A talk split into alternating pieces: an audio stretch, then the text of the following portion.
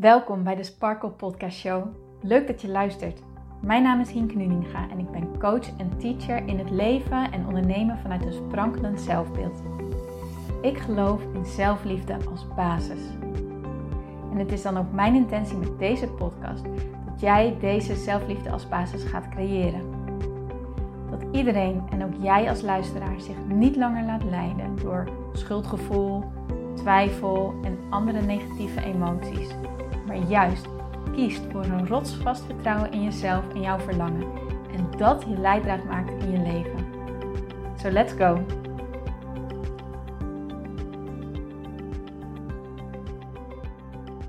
Dag mooie sparkels en powervrouwen, welkom bij deze nieuwe aflevering van de Sparkle Podcast Show. En leuk dat jij erbij bent. Misschien check je wel voor het eerst in, misschien ben je wel een luisteraar die wat regelmatiger terugkomt. Het maakt me wat dat betreft niet uit. Ja, dat klinkt een beetje gek, maar ik vind het gewoon sowieso fijn dat jij erbij bent. Ik vind het sowieso super dat jij naar deze aflevering luistert. Dus dank je wel daarvoor.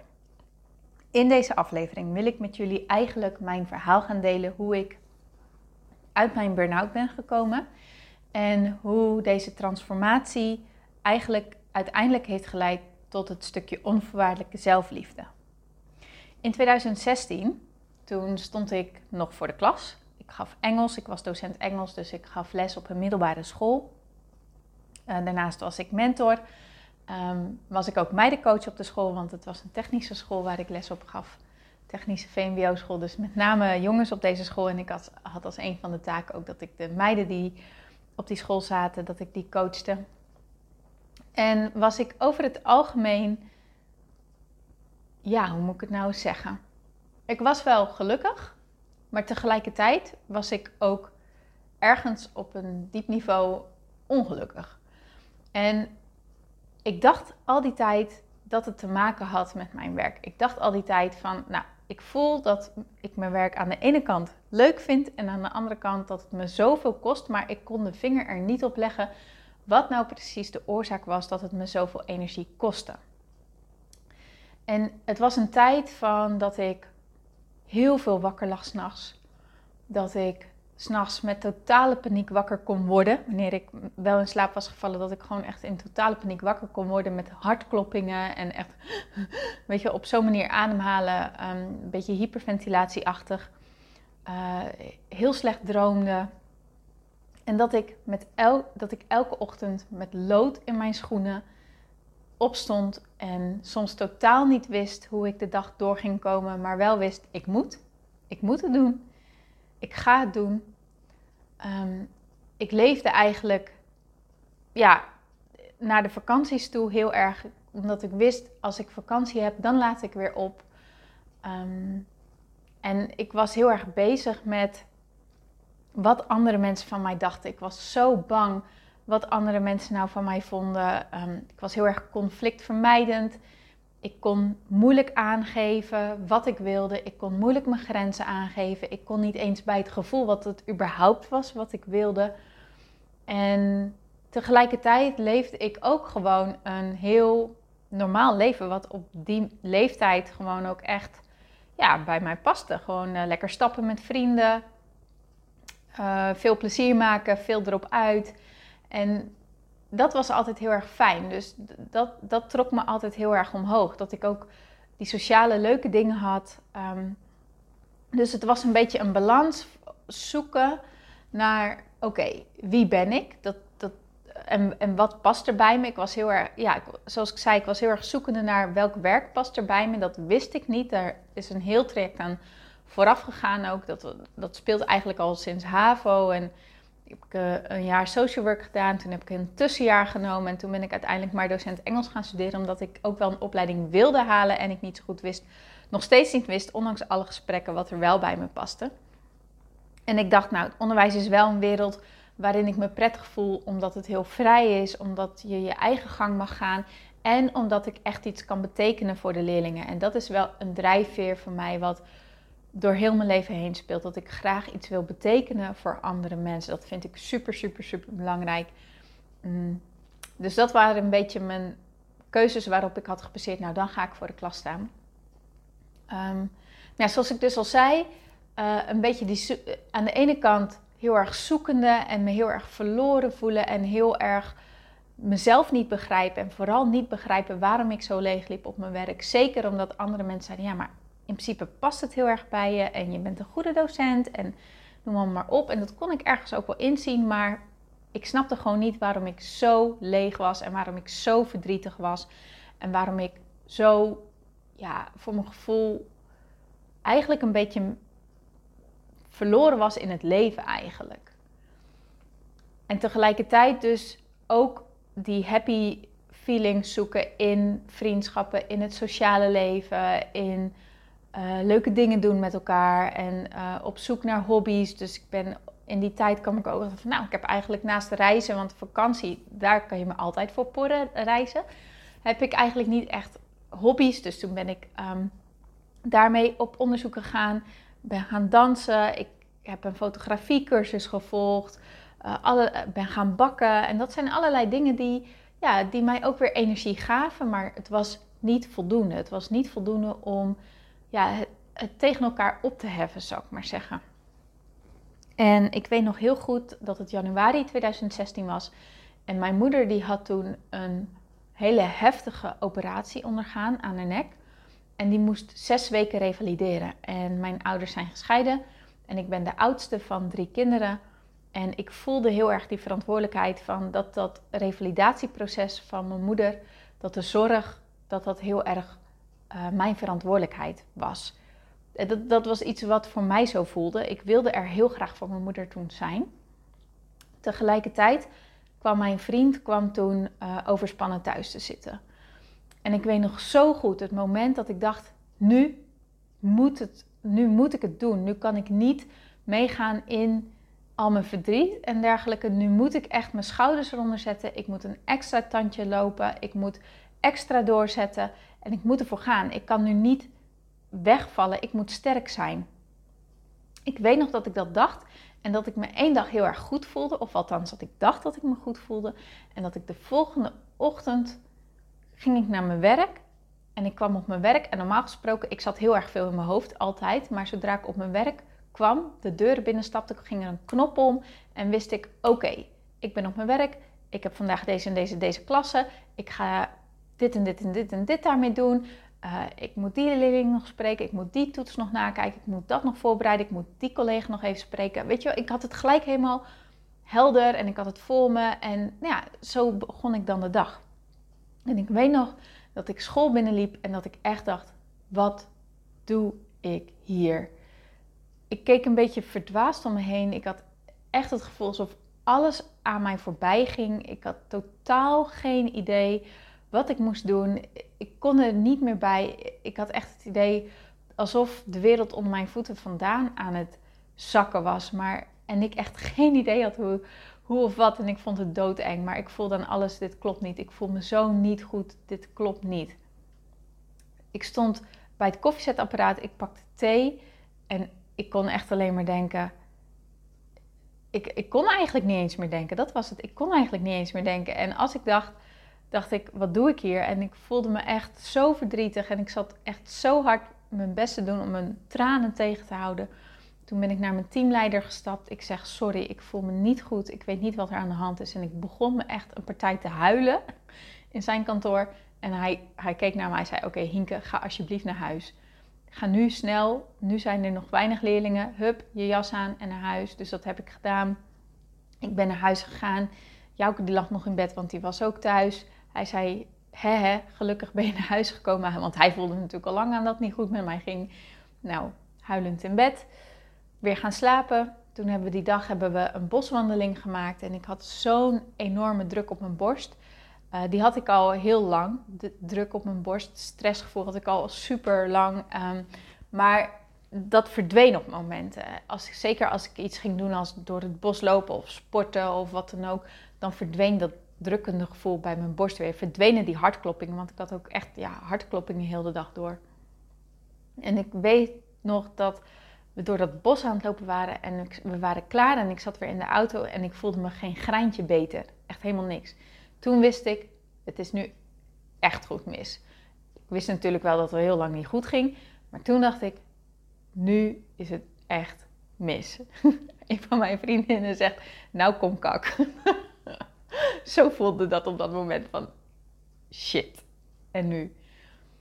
Ik schaamde me natuurlijk kapot. Ik wilde helemaal niet toegeven. Ik dacht, ik moet sterk zijn, ik moet krachtig zijn. Dit kan helemaal niet. Wat, dit komt echt op het super verkeerde moment. Maar ja, ik kon ook niet. Ik, ik kon niet werken, want om minst of geringste was ik aan het huilen. Dus de dag daarna heb ik een afspraak gemaakt bij de huisarts. En uh, ja, die kwam toen met de diagnose burn-out. Uh, burn-out en ook wel tegen een depressie aan, of misschien al wel beginstadium van een depressie.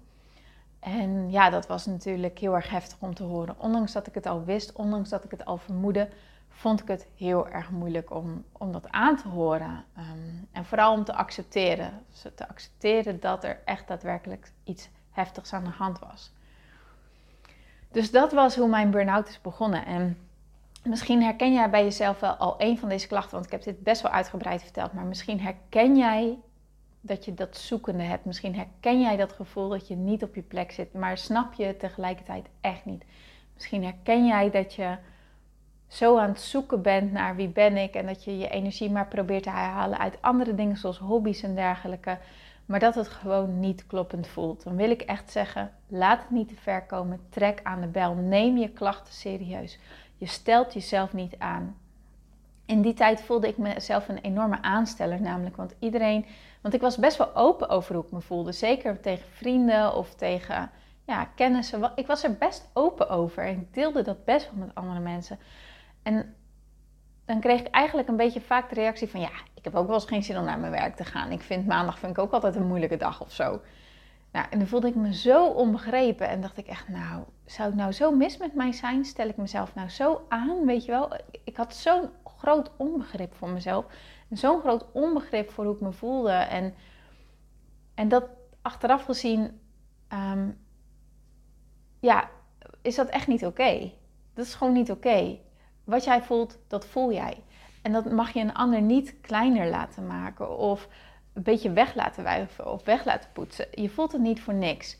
En de eerste stap is dat bewustwording en het erkennen bij jezelf. Dat het er echt mag zijn. Dat, dat je echt bij jezelf erkent, er is iets aan de hand en ik moet er wat mee. Dus doe dat alsjeblieft ook. Nou, toen uh, zat ik dus uh, thuis. En we zaten allebei thuis. En dat is super heftig, kan ik je vertellen. Dat was echt wel van, want wij wilden alleen maar voor elkaar zorgen. Zo van, ik voelde het als mijn verantwoordelijkheid dat Jouke zich goed voelde. En Jouke voelde het zich als zijn verantwoordelijkheid dat ik me goed voelde. Nou, dat werkt natuurlijk niet. Daar moesten we echt wel onze weg in vinden. Dat was echt wel pittig. Maar tegelijkertijd is het ook wel fijn dat we het samen hebben doorgemaakt, omdat je elkaar dan ook wel extra goed begrijpt of zo. Kijk, je leeft niet elkaars verhaal, dat is het niet. Je hebt allebei je eigen struggles en je eigen maar we hadden wel heel veel begrip voor elkaar en het mocht er echt zijn. En dat was wel heel erg fijn. Dat was wel echt een positief iets aan deze situatie. Ehm, in die periode is ook mijn eerste neefje geboren. En dat, dat heeft ons ook wel heel erg goed gedaan. Dat we lekker op kraamvisite konden. En lekker met de baby konden kroelen. En dat was zo erg fijn. En dat gaf echt zoveel dankbaarheid en joy en lichtheid. In, in die tijd van dat echt voelde alsof alles onder mijn voeten was weggevallen. Dus dat was ook heel erg fijn. Dat was echt bijzonder dat dat zo samenviel. Nou ja, goed. Ik heb toen hulp gezocht. Um, uiteindelijk ben ik bij een coach terechtgekomen die tegelijkertijd ook psycholoog is. En ik ben met haar een traject gestart van zowel persoonlijke coaching als loopbaancoaching. Omdat ik echt dacht van nou, het ligt aan mijn werk. Ik moet ander werk zoeken. Um, en ik snap, ik snap het niet meer. Ik, ik, ik had er voor mijn gevoel alles aan gedaan om passend werk te zoeken. En ik snapte dus gewoon niet meer waarom het dan me zoveel energie kostte. Dus ja, ik moest ermee aan de slag. En ik was van tevoren al een, coachingstraject, of in ieder geval een soort van online programma, was ik eigenlijk al gestart. Dus voor mijn gevoel had ik zoiets van, nou, ik ben er al mee bezig en het gaat goed, weet je wel. En toen kwam die klap misschien ook wel extra hard aan. Um, maar die vrouw bij wie ik toen dat online traject deed, die heb ik toen ook contact mee opgenomen. En uiteindelijk is zij toen ook mijn coach geworden. Dat was wel fijn dat dat op die manier kon. En tijdens dat traject, waar ik toen achter ben gekomen, is dat, ik, dat het heel erg logisch was dat ik niet snapte waarom ik eigenlijk helemaal niet wist wat bij me paste, omdat ik helemaal niet wist wie ik was. Ik kwam er tijdens dat traject echt achter in, hoe, in hoeverre ik dus altijd bezig ben geweest met de mening van anderen. Altijd bezig met, ben geweest met hoe zien anderen mij? Wat verwachten anderen van mij? Hoe moet ik mij gedragen? Wat, wordt er, ja, wat zijn eigenlijk de normen? En, en, en, en, en wat kan ik doen om een ander het naar zijn zin te maken? Wat kan ik doen om een ander ja, te pleasen? Please gedrag. Echt extreem please gedrag en extreem bezig met de, mening van anderen. Extreem. Ik was er altijd eigenlijk van overtuigd dat ik het op de een of andere manier fout deed. Dat op de een of andere manier mensen eh, kritiek op mij zouden hebben. Dat andere mensen mij niet zouden mogen. Dat andere mensen uh, helemaal niet happy met mij zouden zijn. Dus dat was ook een, iets waar ik mee aan de slag moest. Echt dat stukje zelfbeeld en dat stukje van accepteren van mezelf. En dat ik juist mag zijn wie ik ben. Dat andere mensen mij ook aardig vinden wanneer ik mezelf ben. Waarin ik niet zeg maar ja, zo bezig ben wat uh, die anderen dus vinden. Maar dat ik dat los leer te laten. En dat andere mensen bij mij zijn om wie ik ben en niet om wat ik doe. Dus dat was een tweede item waar ik heel erg mee aan de slag was gegaan. Um, ja, echt dat stukje mezelf beter leren kennen. Dus wat, waar, ik, waar ik toen heel erg ook tegenaan liep, was dat ik niet eens wist wat ik wilde. Ik kon je niet vertellen wat ik op dat moment wilde, want ik was altijd bezig met wat zou een ander willen, dan gaan we dat doen. Met eten dacht ik altijd: oké, wat vindt Jouke lekker? Waar heeft hij trek in? Wat zijn zijn favoriete gerechten? En dan ging ik dat eerder koken. Of dan kon ik misschien wel voelen van, nou, ik heb wel zin in pasta, maar dan maakte ik bijvoorbeeld altijd de pasta die Jouke lekker vindt. Niet omdat hij dat van mij vroeg, totaal niet, totaal niet. Want Jouke heeft zoiets van, nou, uh, ik eet wat de pot schaft. Degene die koopt, die bepaalt. Dus hij vroeg dat totaal niet van mij. Maar dat is hoe ik op dat moment altijd dacht. En hoe ik mijn dingen regelde. En hoe ik functioneerde. Dus mijn, een van mijn grootste taken of aanpakpunten werd op dat moment leren voelen wat ik wilde. Gewoon echt heel bewust mijn keuzes leren maken. Wat wil ik? Wat wil ik? Wat wil ik? Wil ik yoghurt of wil ik brood? Wil ik fruit of wil ik een koekje? Wil ik water of wil ik wat anders? Of wil ik helemaal niks drinken? Weet je wel, echt constant. Wat wil ik? Wat wil ik? Wat wil ik? En daarbij moest ik echt leren dat ik het recht had om dingen te leren. En dat klinkt nu misschien uh, te willen. Dat, dat klinkt misschien heel heftig, maar ik voelde me heel erg bezwaard eigenlijk om, ja, om, om ook voorrang te geven aan mijn eigen wensen. Daar voelde ik me zo bezwaard in. Maar ja, dat belemmert natuurlijk enorm. Want wanneer je het idee hebt dat dat er niet mag zijn, of wanneer je het moeilijk vindt, dan zal jij nooit echt bij dat gevoel komen van wat je wilt. Want je hebt het idee dat het niet mag of zo. Dat was ook iets waar ik aan mocht gaan werken. Daarnaast mocht ik ook heel erg gaan werken aan grenzen aangeven, nee zeggen. Nee zeggen, niet alle hooi op mijn vork willen nemen. Ik was iemand die met een enorm groot verantwoordelijkheidsgevoel, en dat heb ik nog steeds. Maar dat verantwoordelijkheidsgevoel, dat, dat was te groot geworden. Dat, dat, dat was op een manier zich gaan vormgeven dat het niet meer gezond was voor mij. Op mijn werk had ik altijd het idee van eh, in de sectie als er iets gedaan moest worden, dan zei ik, oh dat doe ik wel. Dat doe ik wel. Niet omdat andere collega's dat niet wilden doen. Nee, heel veel collega's deden heel veel, absoluut. Maar op de een of andere manier had ik het idee dat ik dat allemaal moest doen. En vond ik het heel erg moeilijk wanneer iemand anders zei van nou, weet je Hinke, dat doe ik nu wel eventjes. Want dan had ik het idee van, oh shit, ik doe het niet goed. Of ik heb niet goed mijn best gedaan. Of ik heb mijn verantwoordelijkheid niet genomen.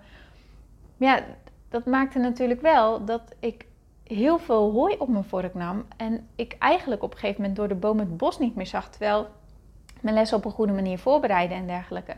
Dat vroeg al best wel veel energie van mij. Dat vroeg al best wel veel aandacht. En dat verantwoordelijkheidsgevoel leren, ja, wat, wat, wat losser leren laten. oh man, dat is ook een enorm proces geweest. Dat heb ik toen ook heel erg moeten leren. Ik zit te denken, want ik heb, nog, ik heb nog veel meer moeten leren. Maar dit zijn denk ik wel de grootste dingen die ik moest leren. En daarnaast, nee, dat is niet waar. De, de, maar dit zijn zeg maar een beetje sut dingen die ik heb moeten leren. Maar overkoepelend, wat het zeg maar samen vormde, was dat ik... Ik was iemand die heel erg in mijn hoofd zat. Alleen maar in mijn hoofd. Denken, denken, denken, denken, denken. Ik was totaal afgesloten van mijn gevoel. Dus ik heb ook weer heel erg moeten leren om terug te keren naar mijn gevoel. Gewoon weer zakken in mijn lijf. Uit mijn hoofd en naar mijn lijf. Gewoon echt letterlijk, hoe voelen mijn handen op dit moment? Hoe voelt mijn borst op dit moment? Hoe voelt mijn buik op dit moment? Waar zit mijn ademhaling? Gewoon even bewust worden van je ademhaling. Weet je, dat soort dingen. Je lijf vertelt je zo ontzettend veel. Daar zit zoveel waarheid in verscholen. Maar ik kon daar niet meer bij stilstaan, want ik zat altijd in mijn hoofd. Dus ik moest ook weer heel erg leren om contact te maken met mijn lijf. En het allergrootste is misschien nog wel geweest dat ik los heb leren komen van mijn zelfkritiek. Ik deed het in mijn eigen ogen nooit goed genoeg. Nooit goed genoeg.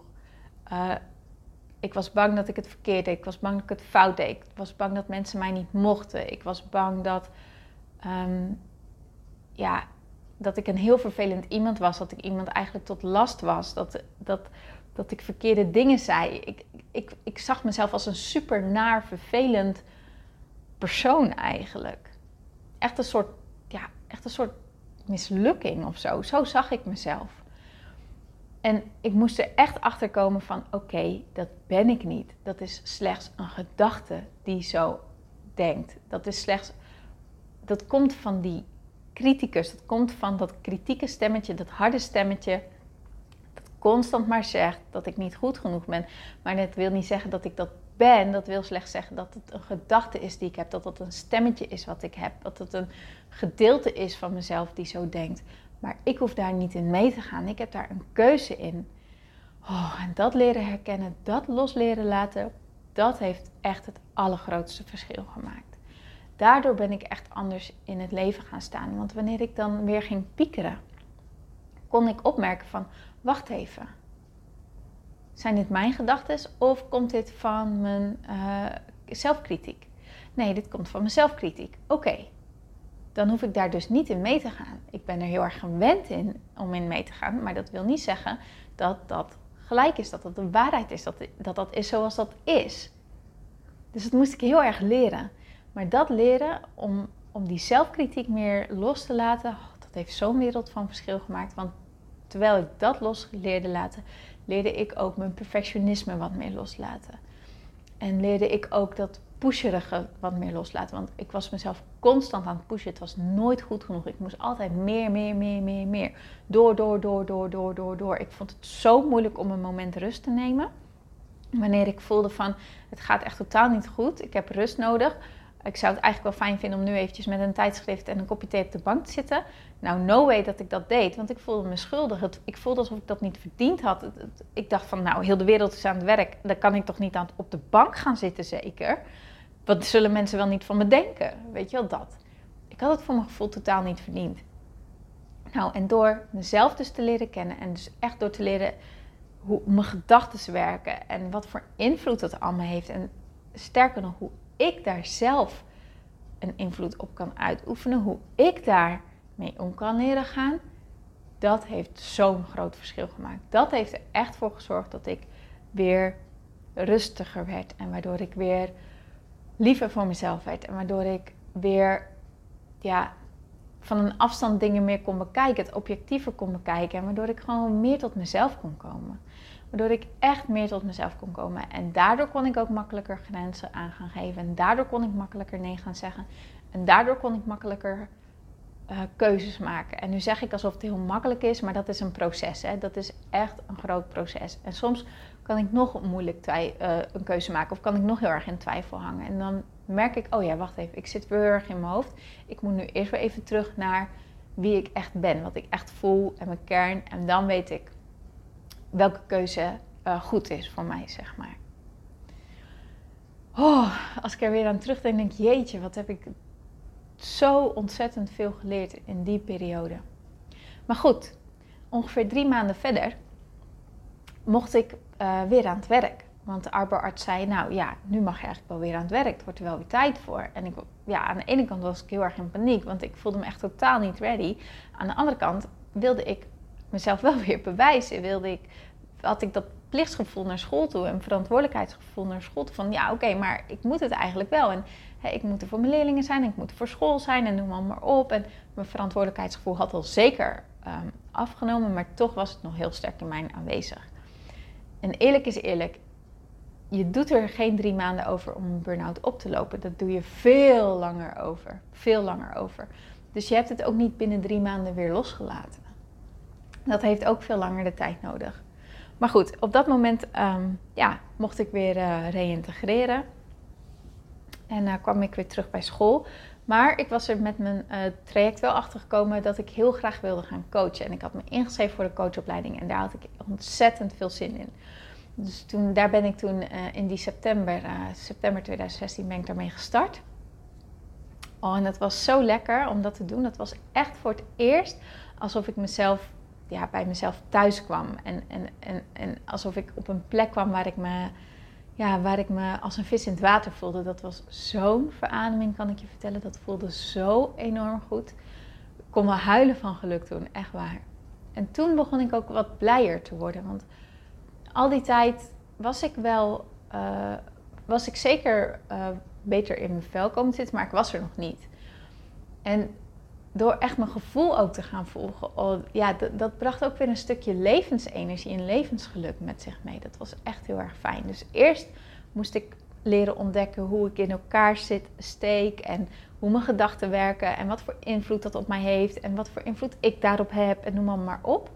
En door dat begrip, toen dat begrip er eenmaal was, toen lukte het me ook om, ja, om mijn gevoel te gaan volgen. En dat gevoel volgen, dat geeft heel veel blijheid. Dat geeft echt heel veel energie en dankbaarheid en levensenergie. Wanneer jij iemand bent die uh, merkt van ik zit niet op mijn plek, ga alsjeblieft je gevoel volgen. Volg je gevoel. Dat is zo ontzettend belangrijk. Daarmee geef je jezelf zo'n enorm cadeau. Ik weet dat het eng is. Ik weet dat je er allemaal belemmerende overtuigingen over hebt. Ik weet dat je denkt dat, dat je het nog niet kan of dat niet goed genoeg is of dat de tijd er niet naar is of bladibladibla. Maar je voelt het niet voor niks. En zet die stap. Je hoeft het niet tot een burn-out te laten komen. Jij mag die stap zetten. Volg je gevoel. Het is er echt niet voor niks. Dus nou, dat. En tijdens die coachopleiding leerde ik natuurlijk nog veel meer over mezelf. Tijdens de coachopleiding kwam ik er ook achter dat ik hooggevoelig ben. En hooggevoeligheid betekent eigenlijk dat je dat alles om je heen, de prikkels, sensaties, dus alles wat je ziet, voelt, proeft, hoort, ruikt, dat komt gewoon harder binnen dan iemand die gemiddeld sensitief of laagsensitief is.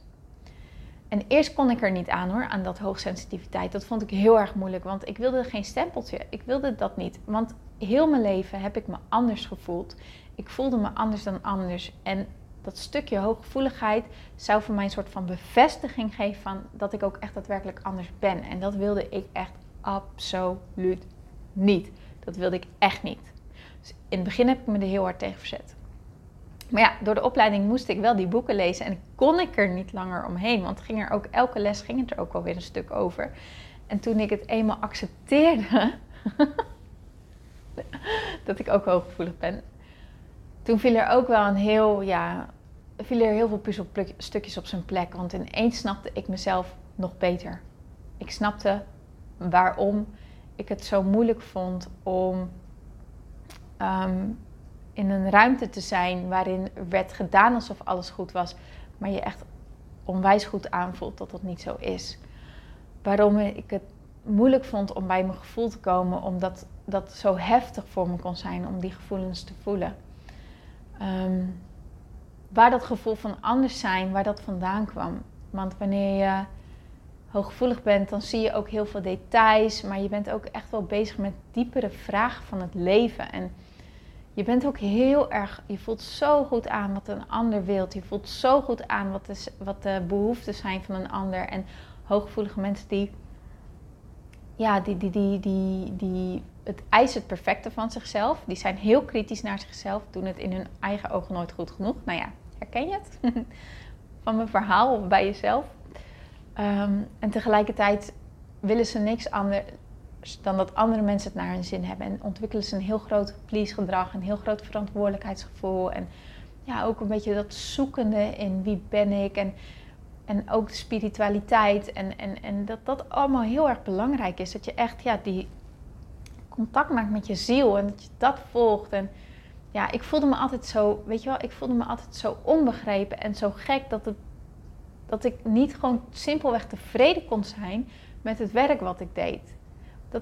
Daar was ik echt kwaad om eerst op mezelf. Van waarom kan ik niet potverdorie tevreden zijn met wat ik doe? En gewoon dankbaar zijn voor het geld wat ik verdien en het leuke leven wat we ervan kunnen leven. En kan ik mijn geluk niet gewoon in de dingen ernaast zoeken, zoals zoveel mensen doen. Maar wanneer je sensitief bent, hoogsensitief, dan, ja, dan is voldoening zo'n belangrijk iets voor jou. Dan is zingeving zo'n belangrijk iets voor jou. En dan is het volgen van je gevoel ook zo belangrijk. Dan mag je dat niet negeren. Dus, en dingen kunnen ook zo zwaar binnenkomen, omdat je die prikkels, ja, omdat die gewoon harder binnenkomen. Omdat je eigenlijk zou het kunnen zien als je hebt wat minder filters. Hè? Het, het, het wordt minder voorverwerkt door alle, al je filters. Nee, het komt gewoon bam, puur binnen. En ja, dat geeft ook uh, heel veel vermoeidheidsklachten en noem maar op. Dus nou, toen ik dat eenmaal ging omarmen, toen ook dat gaf een heel stuk meer rust. Omdat ik dacht, oké, dit is wie ik ben. En dat maakt me niet anders, dat maakt me niet gek. Het geeft me juist tools zodat ik beter met mezelf om kan gaan. En zodat ik ook meer in mijn kracht kan gaan staan. Zodat ik beter voor mezelf kan gaan zorgen. Dus dit was ook een heel essentieel stuk van uit mijn burn-out komen. Dat, dat stukje ja, mezelf nog beter leren kennen en die hooggevoeligheid accepteren. Nou, toen um, nou, die opleiding was bezig en ik, eh, stond weer uh, voor de klas en zo. En op een gegeven moment dacht ik, het gaat niet goed. Het gaat niet goed. Alle klachten die ik voordat ik mijn eerste burn-out kreeg had, komen weer terug. De paniekaanvallen, um, de hartkloppingen, um, het niet meer zien zitten, noem maar, maar op. En Jouke zag dat ook. En hij zei, lieverd, nu wordt het echt tijd om weg te gaan bij je werk. Want ik weet niet hoe lang ik dit nog trek. En dat klinkt misschien, nu denk je misschien zo egoïstisch of weet ik het wat. Maar het nam echt een heel groot beslag op mijn relatie, hoe ik me voelde. Ik kwam zwaar thuis, ik kwam vermoeid thuis. En ik deed echt mijn best om anders naar mijn werk te kijken. Zeker na die burn-out. Ik deed er echt mijn best voor. Maar ja, ik kon die zware energie op de een of andere manier niet loslaten. Het lukte me niet. En toen dacht ik wel, oké, ik voelde, ik voelde oké, als ik nu geen drastisch, drastische stappen zet, weet ik niet of mijn relatie het nog wel redt. En dat vond ik zo'n enge gedachte. Want ja, we zijn niet voor niks nog steeds samen. Ik hou zo ontzettend veel van jou. Hij is echt voor mijn gevoel, ja, ja echt wel een beetje mijn soulmate. En wat me nog erger leek dan weer in een burn-out terechtkomen, was dat, het, dat wij uit elkaar zouden gaan. Dus toen heb ik besloten om ontslag te nemen. En ben ik weggegaan bij mijn werk, ook al was het halverwege het schooljaar, echt nat dan eigenlijk. Zeker niet in mijn eigen ogen, want jeetje, ik liet de school nu echt vallen. Maar ja, me, ik voelde ook aan mijn water, als ik dit niet doe, dan weet ik niet wat er daarna gebeurt. Maar dat wil ik eigenlijk ook niet weten, dat wil ik niet meemaken. Dus dit is de keuze die ik maak. En toen ben ik twee weken daarna ben ik begonnen met een nieuwe baan. Dus ik had mijn ontslag genomen, ik had een soort van twee weken rust en toen ben ik begonnen met een nieuwe baan. en dat was eigenlijk wel te kort, want ik had al die klachten, al die symptomen weer van een burn-out. En eigenlijk zat ik er gewoon in een tweede en had ik een langer herstelproces nodig. Maar nou ja, goed, toen ben ik begonnen met die nieuwe baan. Ondertussen uh, als kinderfotograaf trouwens, wat ik heel erg leuk vond, want uh, ja, ik kon mijn creativiteit weer een beetje vinden. Um, ik ontdekte dat ik het heel erg leuk kon vinden ook om te werken. Ik, um, ik ging langs kinderdagverblijven en peuterspeelzalen om uh, de, de, kindjes op de foto te zetten. Het was heel zelfstandig, het was heel erg leuk. Ik vond fotobewerking leuk. Ik leerde er ontzettend veel van. Het was echt super tof. En juist omdat het me energie gaf, heeft me dat denk ik ook wel weer uit mijn burn-out gehaald. Maar tegelijkertijd heb ik mezelf wel weinig hersteltijd gegund. Um, waardoor het denk ik het proces wel langer heeft geduurd gun jezelf die tijd om ook weer te herstellen, is eigenlijk wat ik hiermee wil zeggen. Maar herstellen doe je ook door dingen te doen die je leuk vindt. om niet te blijven hangen in je hoofd, maar dingen te ondernemen die je leuk vindt. En dat was wel echt heel erg tof. Ik ben heel erg dankbaar voor die ervaring. Nou, in dezelfde tijd studeerde ik af bij de coachopleiding en dacht ik: oké, ik heb het gevonden. Ik ga beginnen met ondernemen. Dus um, super eng, maar ik schreef me in bij de Kamer van Koophandel. Uh, vond ik heel erg leuk. Ik was super excited, super enthousiast. Gewoon echt volle bakker tegenaan. Um, ja, dus, dus zo was op dat moment toen uh, een beetje mijn leven. Dat was in um, de zomer van 2017. Maar wat ik in die tijd, tijdens mijn opleiding en tijdens mijn coaching heel erg had gemist, was een stukje spirituele diepgang. Ik ben christelijk opgevoed, uh, maar ik kon me niet meer zo vinden daarin. Uh, maar ik was wel heel erg zoekende naar ja, wie ben ik ten opzichte van, ja, van, van het universum, van God, van mijn ziel. Ik, ik voelde dat ik daar veel meer. Ja, daar, daar, daar lag een verlangen ook om daar meer diepgang in um, te, te creëren. En toen kwam de cursus Spirit Junkie Masterclass van Gabriel Bernstein op mijn pad. En ik vond het doodeng, want ik had nog nooit zo'n grote investering gedaan. Nog nooit. En echt, ik weet nog dat ik me had ingeschreven en dat ik daarna zo'n grote paniekaanval heb gekregen. Dat ik echt helemaal soort heen en weer schommelend op de vloer zat. Huilen, huilen, huilen. Zo diep in paniek. Want ik dacht, wat de fuck heb ik gedaan? Hoe kom ik hier nou bij? Weet je wel, echt helemaal zo. Um, het was echt heel erg heftig, maar het was echt zo'n goede keuze. Ik heb er, dat was zo fijn. Zo ontzettend fijn. Um, want dat leerde me om meer vertrouwen te creëren. En om een nog dieper vertrouwen in mezelf te creëren. Een dieper vertrouwen in het universum te creëren. En ik leerde daar mediteren. En meditatie heeft ook zo ontzettend veel voor mij gedaan. Die rust in mijn hoofd. Het leren loskomen van oude pijn. Het leren loskomen van angst. Het leren loskomen van oude trauma's. Het oh, ik heb het allemaal in, in die cursus ja, geleerd en, en, en meditatie. En dat was niet van een op ander moment hoor. Daar moest ik ook weer heel veel overtuigingen over loslaten. Want in het begin vond ik het heel erg eng. Want ik dacht, ja, wat als het iets verkeerds is wat ik doe? Wat als ik daarmee, weet ik veel.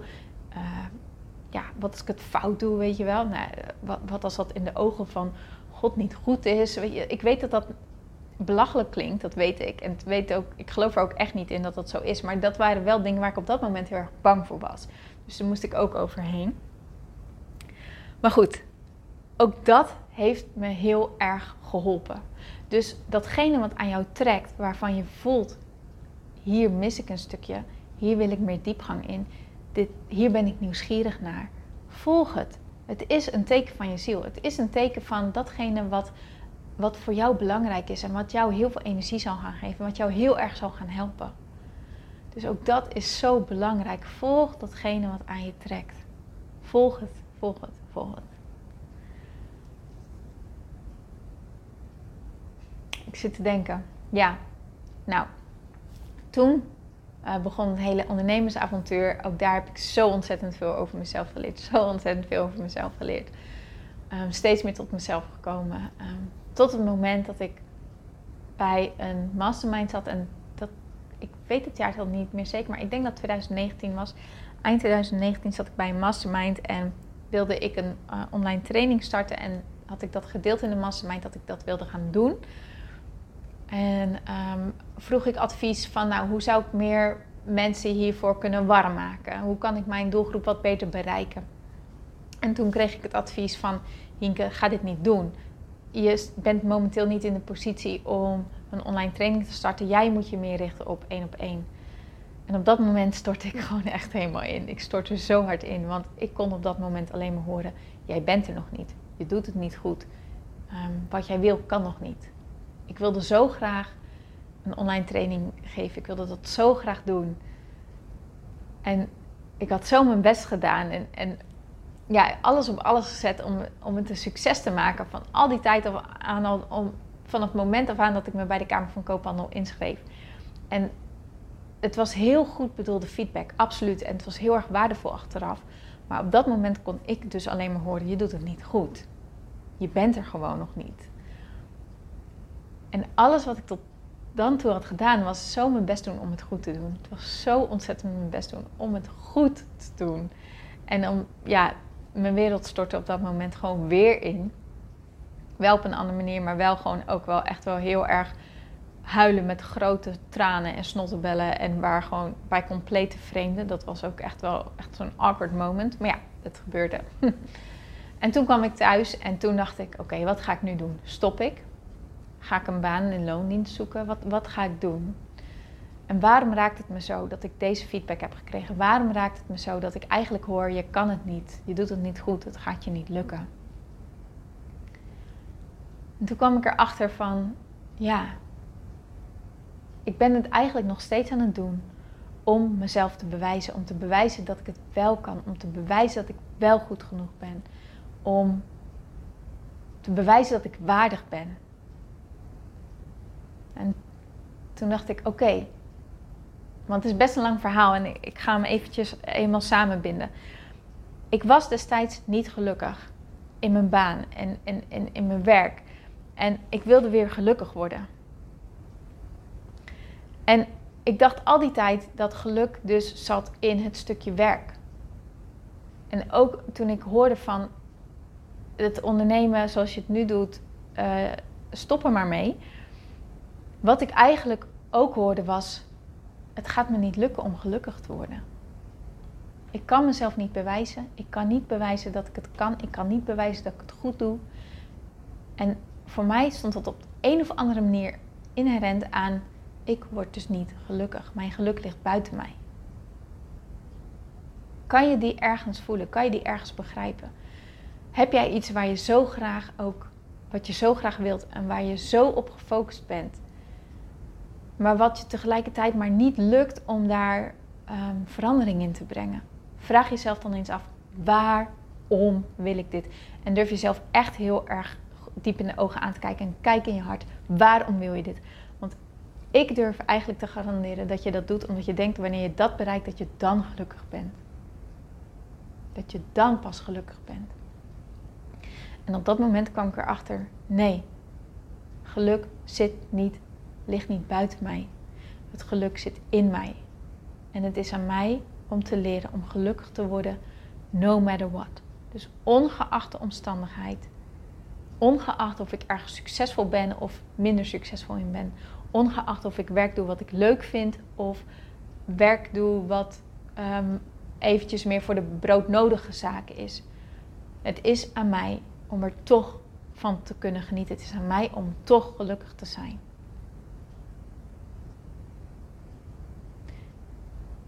En dat is echt een laag dieper. Dat is echt, echt tot de kern komen. Gelukkig worden met jezelf, ongeacht de omstandigheid. En dat is een uitdaging, want nu spelen er privé ook heftige dingen. En dan is het wel heel heftig voor mij om te roepen van, ah, ja, maar gelukkig zijn no matter what. Ja, dat betekent dus, gelukkig zijn no matter what, betekent eigenlijk in mijn ogen, het betekent jezelf niet, ja, hoe moet ik het nou zeggen? Jezelf niet, je geluk niet af laten hangen van de dingen die om je heen gebeuren, maar op zo'n manier er toch in gaan staan gaan kijken, oké, wat heb ik hierin te leren? Wat valt er voor mij uit te halen? Wat gaat mij helpen om dicht bij mezelf te blijven? Wat gaat mij helpen om toch een dankbaarheid te voelen of een liefde te voelen of een waardering te voelen of om in elk geval een, zo, om me zo goed mogelijk te voelen? Wat kan ik daarvoor doen? En dat is een enorme uitdaging. Ik weet wat ik zeg. het is een enorme uitdaging. Maar ik ben er wel, door dat aan te gaan, ben ik wel achter gekomen dat dat kan. En dat, jongens, dat heeft me.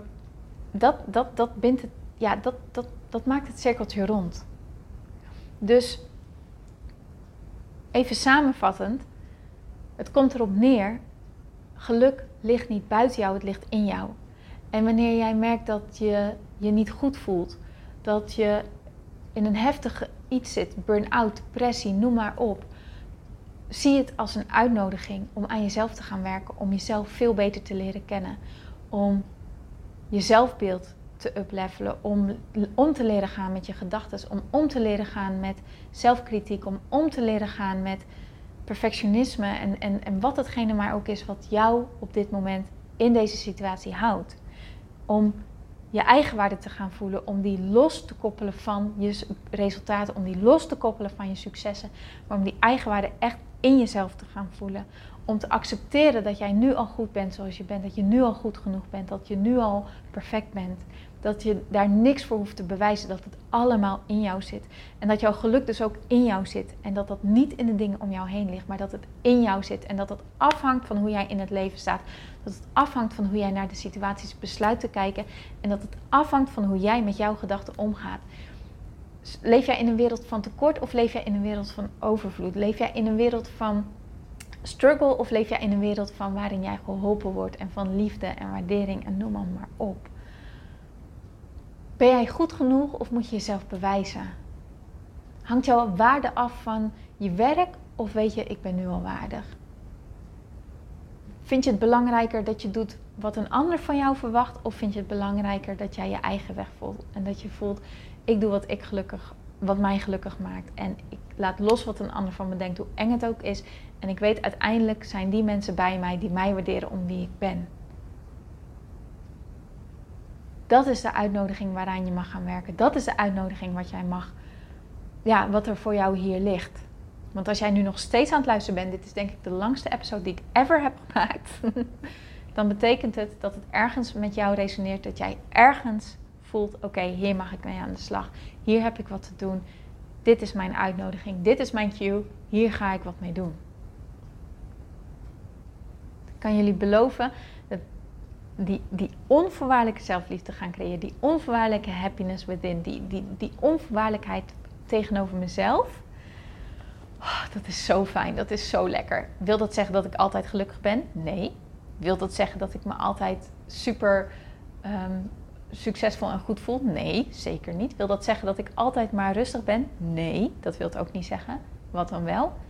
Zodra ik merk dat ik op een manier denk die mij niet dient, dat ik in een overtuiging zit die mij niet helpt, dat ik naar mezelf kijk op een manier die mij naar beneden haalt in plaats van die mij uplift en kracht geeft en energie geeft, dan weet ik dat ik eruit kan komen. Dan weet ik wat ik kan doen. Dan hoef ik er niet meer in te blijven hangen.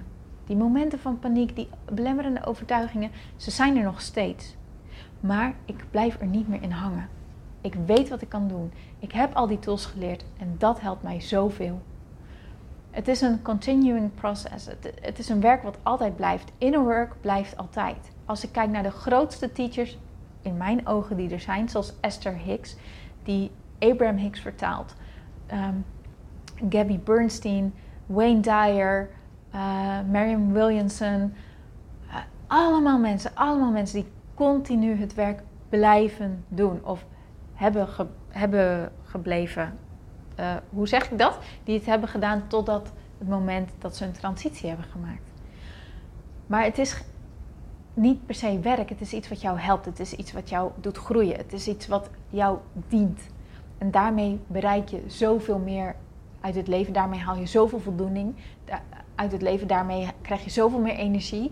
Ben je zoveel meer dichter bij jezelf. En leef je gewoon een veel beter leven wat veel meer bij je past dan het gros van de wereld. Het gros leeft op voorwaarden. Het gros leeft op zoals ze denken dat het hoort. Het gros leeft op, ja, op geluk buiten hun zoeken. Maar dat is, niet, dat is niet waar je ware geluk ligt. Dat is niet waar je ware innerlijke rust ligt. Dat is niet waar je ware eigenwaarde ligt. Dat zit in jou. En alleen jij kan het voelen, maar het is aan jou om dat te voelen. En om datgene te doen wat jou gaat helpen om dat te bereiken. En dat kan jij. Als ik het kan, kan jij het ook. Ja, dus het is een heel proces voor mij geweest, jongens. En dat wil niet zeggen dat het voor iedereen zo'n lang proces hoeft te zijn. Absoluut niet. Maar ja, het is wel wat het is. Dit is het voor mij geweest. Ehm, en geweest als in. Dit, ik weet dat dit mijn lessen uh, waren. En nu is het vooral aan mij om het te blijven doen. Om het de work te blijven doen. Om hier steeds beter in te worden. En daar ben ik al heel erg in gegroeid. En ja, mag ik gewoon steeds meer in groeien. Je, kan jezelf zien als een ui. En elke keer doe jij weer een laagje af en weer een laagje af en weer een laagje af en weer een laagje af. En kom je steeds dieper tot de kern. En als ik mezelf vergelijk met hoe ik een aantal jaar terug was, dan echt, dan, dan, dan voel ik zoveel meer lichtheid en dankbaarheid en positieve energie. En, en, en, en sta ik gewoon, geniet ik gewoon van het leven. Dat is misschien nog wel het mooiste cadeau van allemaal. Dat ik gewoon kan genieten van wat ik doe. In plaats van dat ik constant in mijn hoofd zit en bezig ben met wat andere mensen denken en bladibladibla. Want dat is zo zonde. Dat is zo zonde. Dat is niet wat het leven daadwerkelijk is. Dat is het niet. Dus dat jongens, dus dat. Ik ga hem afronden, want ik heb nu wel lang genoeg gepraat. Als je voelt dat je hulp nodig hebt, zoek dan hulp. Neem actie. Onderneem actie. Onderneem wat voor jou goed voelt. Doe datgene wat aan jou trekt. Want je hebt maar één, tenminste, je hebt nu dit leven wat je nu leeft. En maak er gewoon het mooiste van. Live your sparkle. Doe datgene wat jouw energie geeft. Doe datgene wat jou laat sprankelen. Jij bent het waard om gelukkig te zijn. Echt waar. En je bent gewoon perfect zoals je nu al bent. Om wie jij bent. Goed, lieverd. Dankjewel voor je aandacht. Dankjewel voor het luisteren. Mocht je vragen hebben, schroom niet om me te benaderen. Stuur me een DM hinkenuninga.sparkle. Stuur me een mailtje naar hinke.praktijksparkle.nl Als je deze podcast heel waardevol vond en je denkt andere mensen hebben hier wat aan, alsjeblieft deel hem, maak een screenshot, tag mij in je Insta Stories en deel hem met, waarvan, met de mensen waarvan jij denkt, hier ga jij wat aan hebben. Want samen, samen, samen, samen creëren, we meer zachtheid en liefde in de wereld, jongens. Hoe mooi is dat? Oké, okay, lieverd. Succes! Dankjewel voor je energie, dankjewel voor je aandacht. En ik spreek jou heel graag morgen weer. Tot dan!